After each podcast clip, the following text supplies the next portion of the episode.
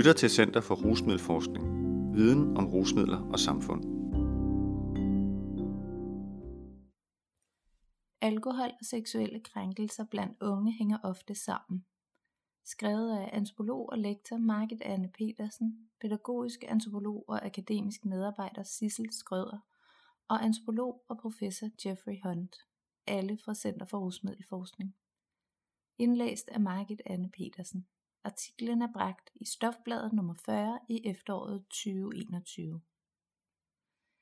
En ny undersøgelse viser, at en del unge mennesker oplever uønskede seksuelle berøringer eller tilnærmelser, når de fester, og at de opfatter det som en normal del af nattelivet. Seksuelt samtykke er nemlig mere kompliceret end blot at sige ja eller nej, særligt når der er alkohol involveret. Seksuelt samtykke, sexchikane og seksuelle overgreb blandt berusede unge i det danske natteliv er blevet et emne af stigende relevans i lyset af MeToo-bevægelsen og aktuelle EU-statistikker på området. Blandt andet viser tallene for sexchikane og seksuelle overgreb sig at være højere i Danmark, Sverige og Finland end i andre EU-lande. Netop fordi de nordiske lande er kendt for at være blandt de mest kønsligestillede i verden, undres internationale forskere over dette, og med begrebet det nordiske paradoks peger disse forskere på nødvendigheden af, særligt via kvalitative metoder, det vil sige for eksempel interviews og feltarbejde, at undersøge den modsætningsfyldte forekomst af ligestilling versus seksuelle krænkelser i de nordiske lande. Et af de områder, der peges på, men som endnu ikke har været nok udforsket, er betydningen af beruselse for seksuel kontakt mellem unge. Netop med tanke på den danske drikkekultur blandt unge, har Center for Rusmiddelforskning sat gang i et forskningsprojekt kaldet Seksuelle grænser i nattelivet. Krænkelser i nattelivet er normalt. Dansk forskning viser, at seksuelle krænkelser, som for eksempel uønskede eller uopfordrede seksuelle berøringer eller tilnærmelser, er et relativt udbredt fænomen både i nattelivet og helt generelt, og at det ofte er unge kvinder, der oplever disse. På trods af, at man fra både international og national forskning ved, at alkohol og seksuelle krænkelser ofte hænger sammen, er der meget få forskningsprojekter, der har fokuseret direkte på, hvordan sammenhængen mellem alkohol og seksuelle krænkelser udfolder sig. Som en del af vores forskningsprojekt med fokus på unge, alkohol og seksuelle grænser i nattelivet, har vi forløbig talt med i alt 32 unge mennesker. Heraf er de 27 kvinder. Vores mål er at tale med i alt 50 unge, blandt andet også for at høre om flere unge mænds oplevelser i nattelivet da vi indtil videre har haft kontakt med en overvægt af kvinder, vil fokus være på deres oplevelser i denne artikel. De 27 kvinder, vi har talt med, har alle oplevet at være udsat for forskellige former for seksuelt krænkende adfærd, især i relation til fest- og nattelivet. Line på 18 år fortæller. Det er sket mange gange for at være helt ærlig. Sådan at blive taget på, det er mest til fester, og blive råbt af, det er på gangene på skolen, på gaden, i toget. Jeg føler, at det er alle steder.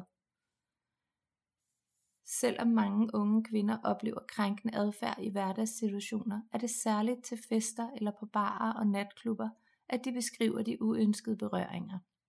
Disse beskrives ofte som at blive rørt af hænder, der forsvinder i mørket eller i mængden af mennesker. Henriette på 24 år fortæller. Når man er på dansegulv, er der ofte spøgelseshænder, sådan når der er en hånd, der kører ned ad ryggen på dig, eller måske en, der har taget dig på røven, men du ved ikke, hvem der har gjort det. Selvom det af disse unge kvinder beskrives som ubehageligt, upassende og grænseoverskridende at opleve hændelser som disse, så beskrives de samtidig ofte som ret normale og næsten som en forventet del af nattelivet hvor berøringer og tilråb, som i ovenstående eksempler kan være kortvarige og helt uden en forudgående relation, kan de også have karakter af at være mere vedvarende og pågående. Mange kvinder oplever for eksempel, at nogle fyre bliver ved med at kredse om dem og komme for tæt på dem på dansegulvet. Andre beskriver, at de i samtale med en mand ikke kan komme væk igen. Lisa på 21 år fortæller. Der var en fyr, som blev ved med at prøve at kysse mig, og han er kæmpestor, han er skræmmende. Og der var ikke nogen, der sagde noget til det. Men det er nok, fordi de ikke turde gøre noget. Jeg blev bare ved med at sige, at jeg havde en kæreste. Han blev ved med at sige, at jeg skulle slå op med min kæreste, og at han kunne give mig bedre. Blandt de unge kvinder i vores undersøgelse er der også en del forskelligartede eksempler på krænkelser, der opstår i relationer, som allerede er blevet intime. Nogle har flirtet eller kysset, men føler sig herefter presset til at udføre seksuelle handlinger, som de egentlig ikke ønsker. Maja på 22 år fortæller om en situation, hvor hun havde kysset en smule med en fyr, mens de var fulde, men hvor hun egentlig slet ikke havde lyst til andet. Han tvang mit hoved ned til hans pik, indtil jeg gav ham et blowjob. Jeg blev ved med at sige nej, og til sidst så besluttede jeg mig bare for at få det overstået. Andre har oplevet at sove hos en ven eller til en privatfest, hvor de er vågnet ved, at en fyr enten har græmset på dem, forsøgt at have sex, eller faktisk, som i Rikkes tilfælde, været i gang med seksuelt samleje, mens hun sov. Rikke på 18 år fortæller.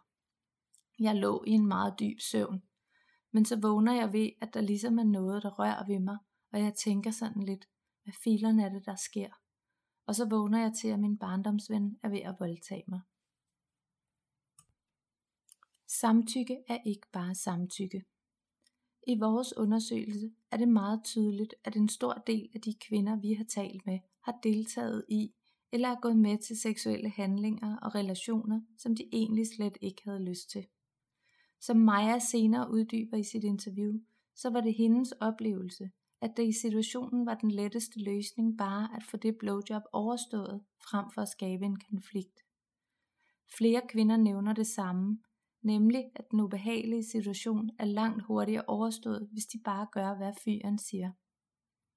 Nogle fortæller dog også, at de af og til kan være bange for en fyrs reaktion, hvis de fastholder et nej.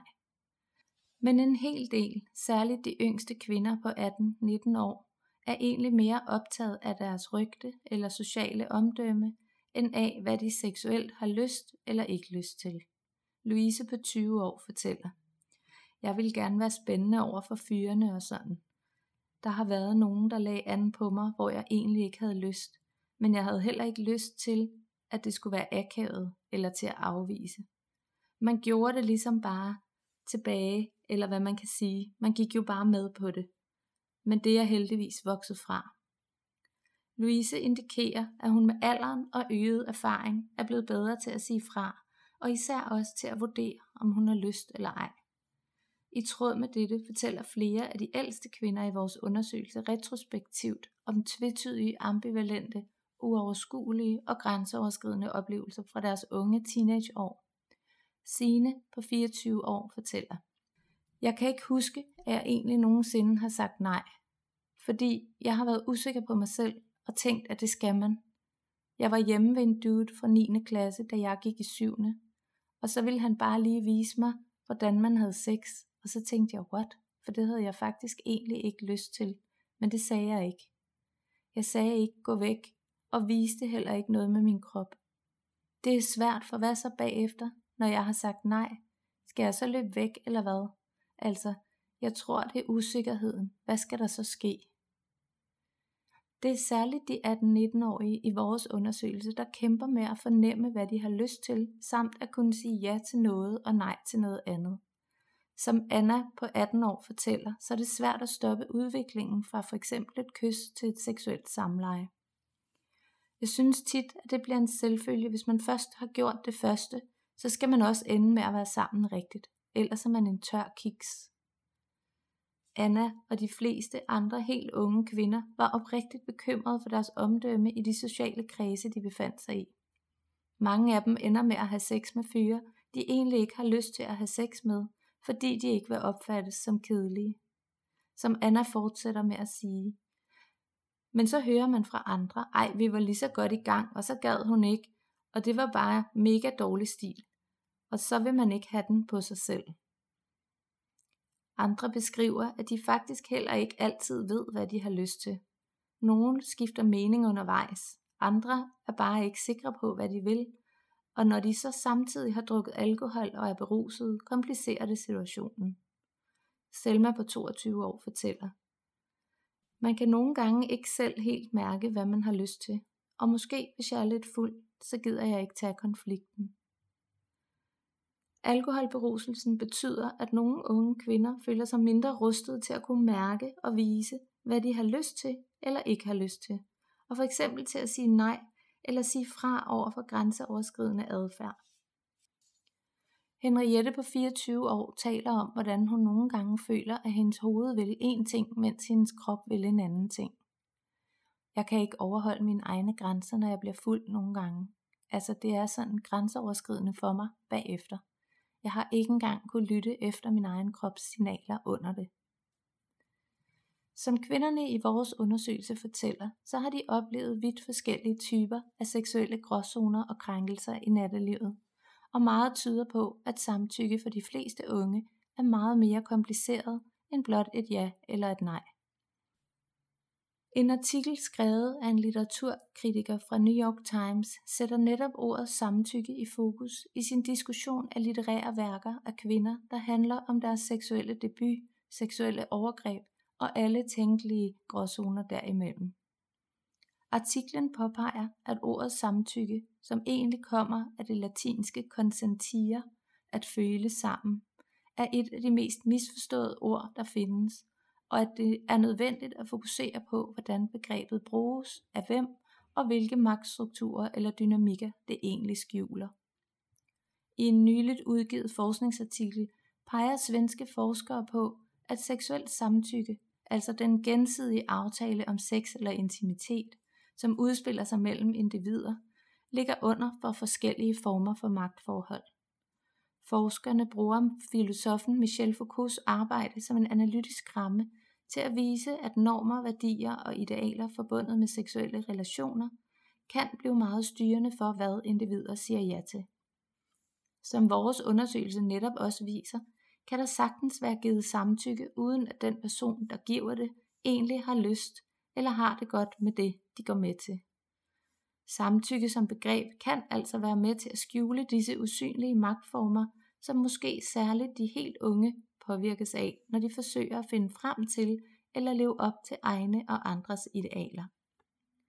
I en dansk nattelivskontekst, der ofte er præget af en hæftig drukkultur og et seksualiseret miljø, som for eksempel et dansegulv, en bar eller en fest med høj musik, dæmpet belysning, og hvor mange kigger på, forventer eller søger intim kontakt, kan alkoholberuselsen altså blive mere styrende for de seksuelle relationer og situationer, der udfolder sig herfra, end de fleste unge måske umiddelbart tænker over, før der er sket noget grænseoverskridende. På Center for Rusmiddelforskning arbejder vi målrettet videre med projektet Seksuelle Grænser i Nattelivet. Målet er at blive klogere på, hvordan og hvornår normer for måder at drikke på, deltage i nattelivet samt seksuelle relationer påvirker unges oplevelser af og med seksuelt samtykke og seksuelle krænkelser. I artiklen her tager de oplevelser og situationer, der er beskrevet, udgangspunkt i heteroseksuelle relationer. Men vi håber, at projektet med tiden også kan være med til at sætte fokus på samtykke og krænkelser blandt personer med andre seksuelle identiteter og orienteringer. Vi forventer at publicere projektets resultater i løbet af 2022 og 2023. Artiklens referencer og bokse læses ikke op, men kan findes i artiklen i Stofbladet eller online på www.rusmiddelforskning.dk-stof.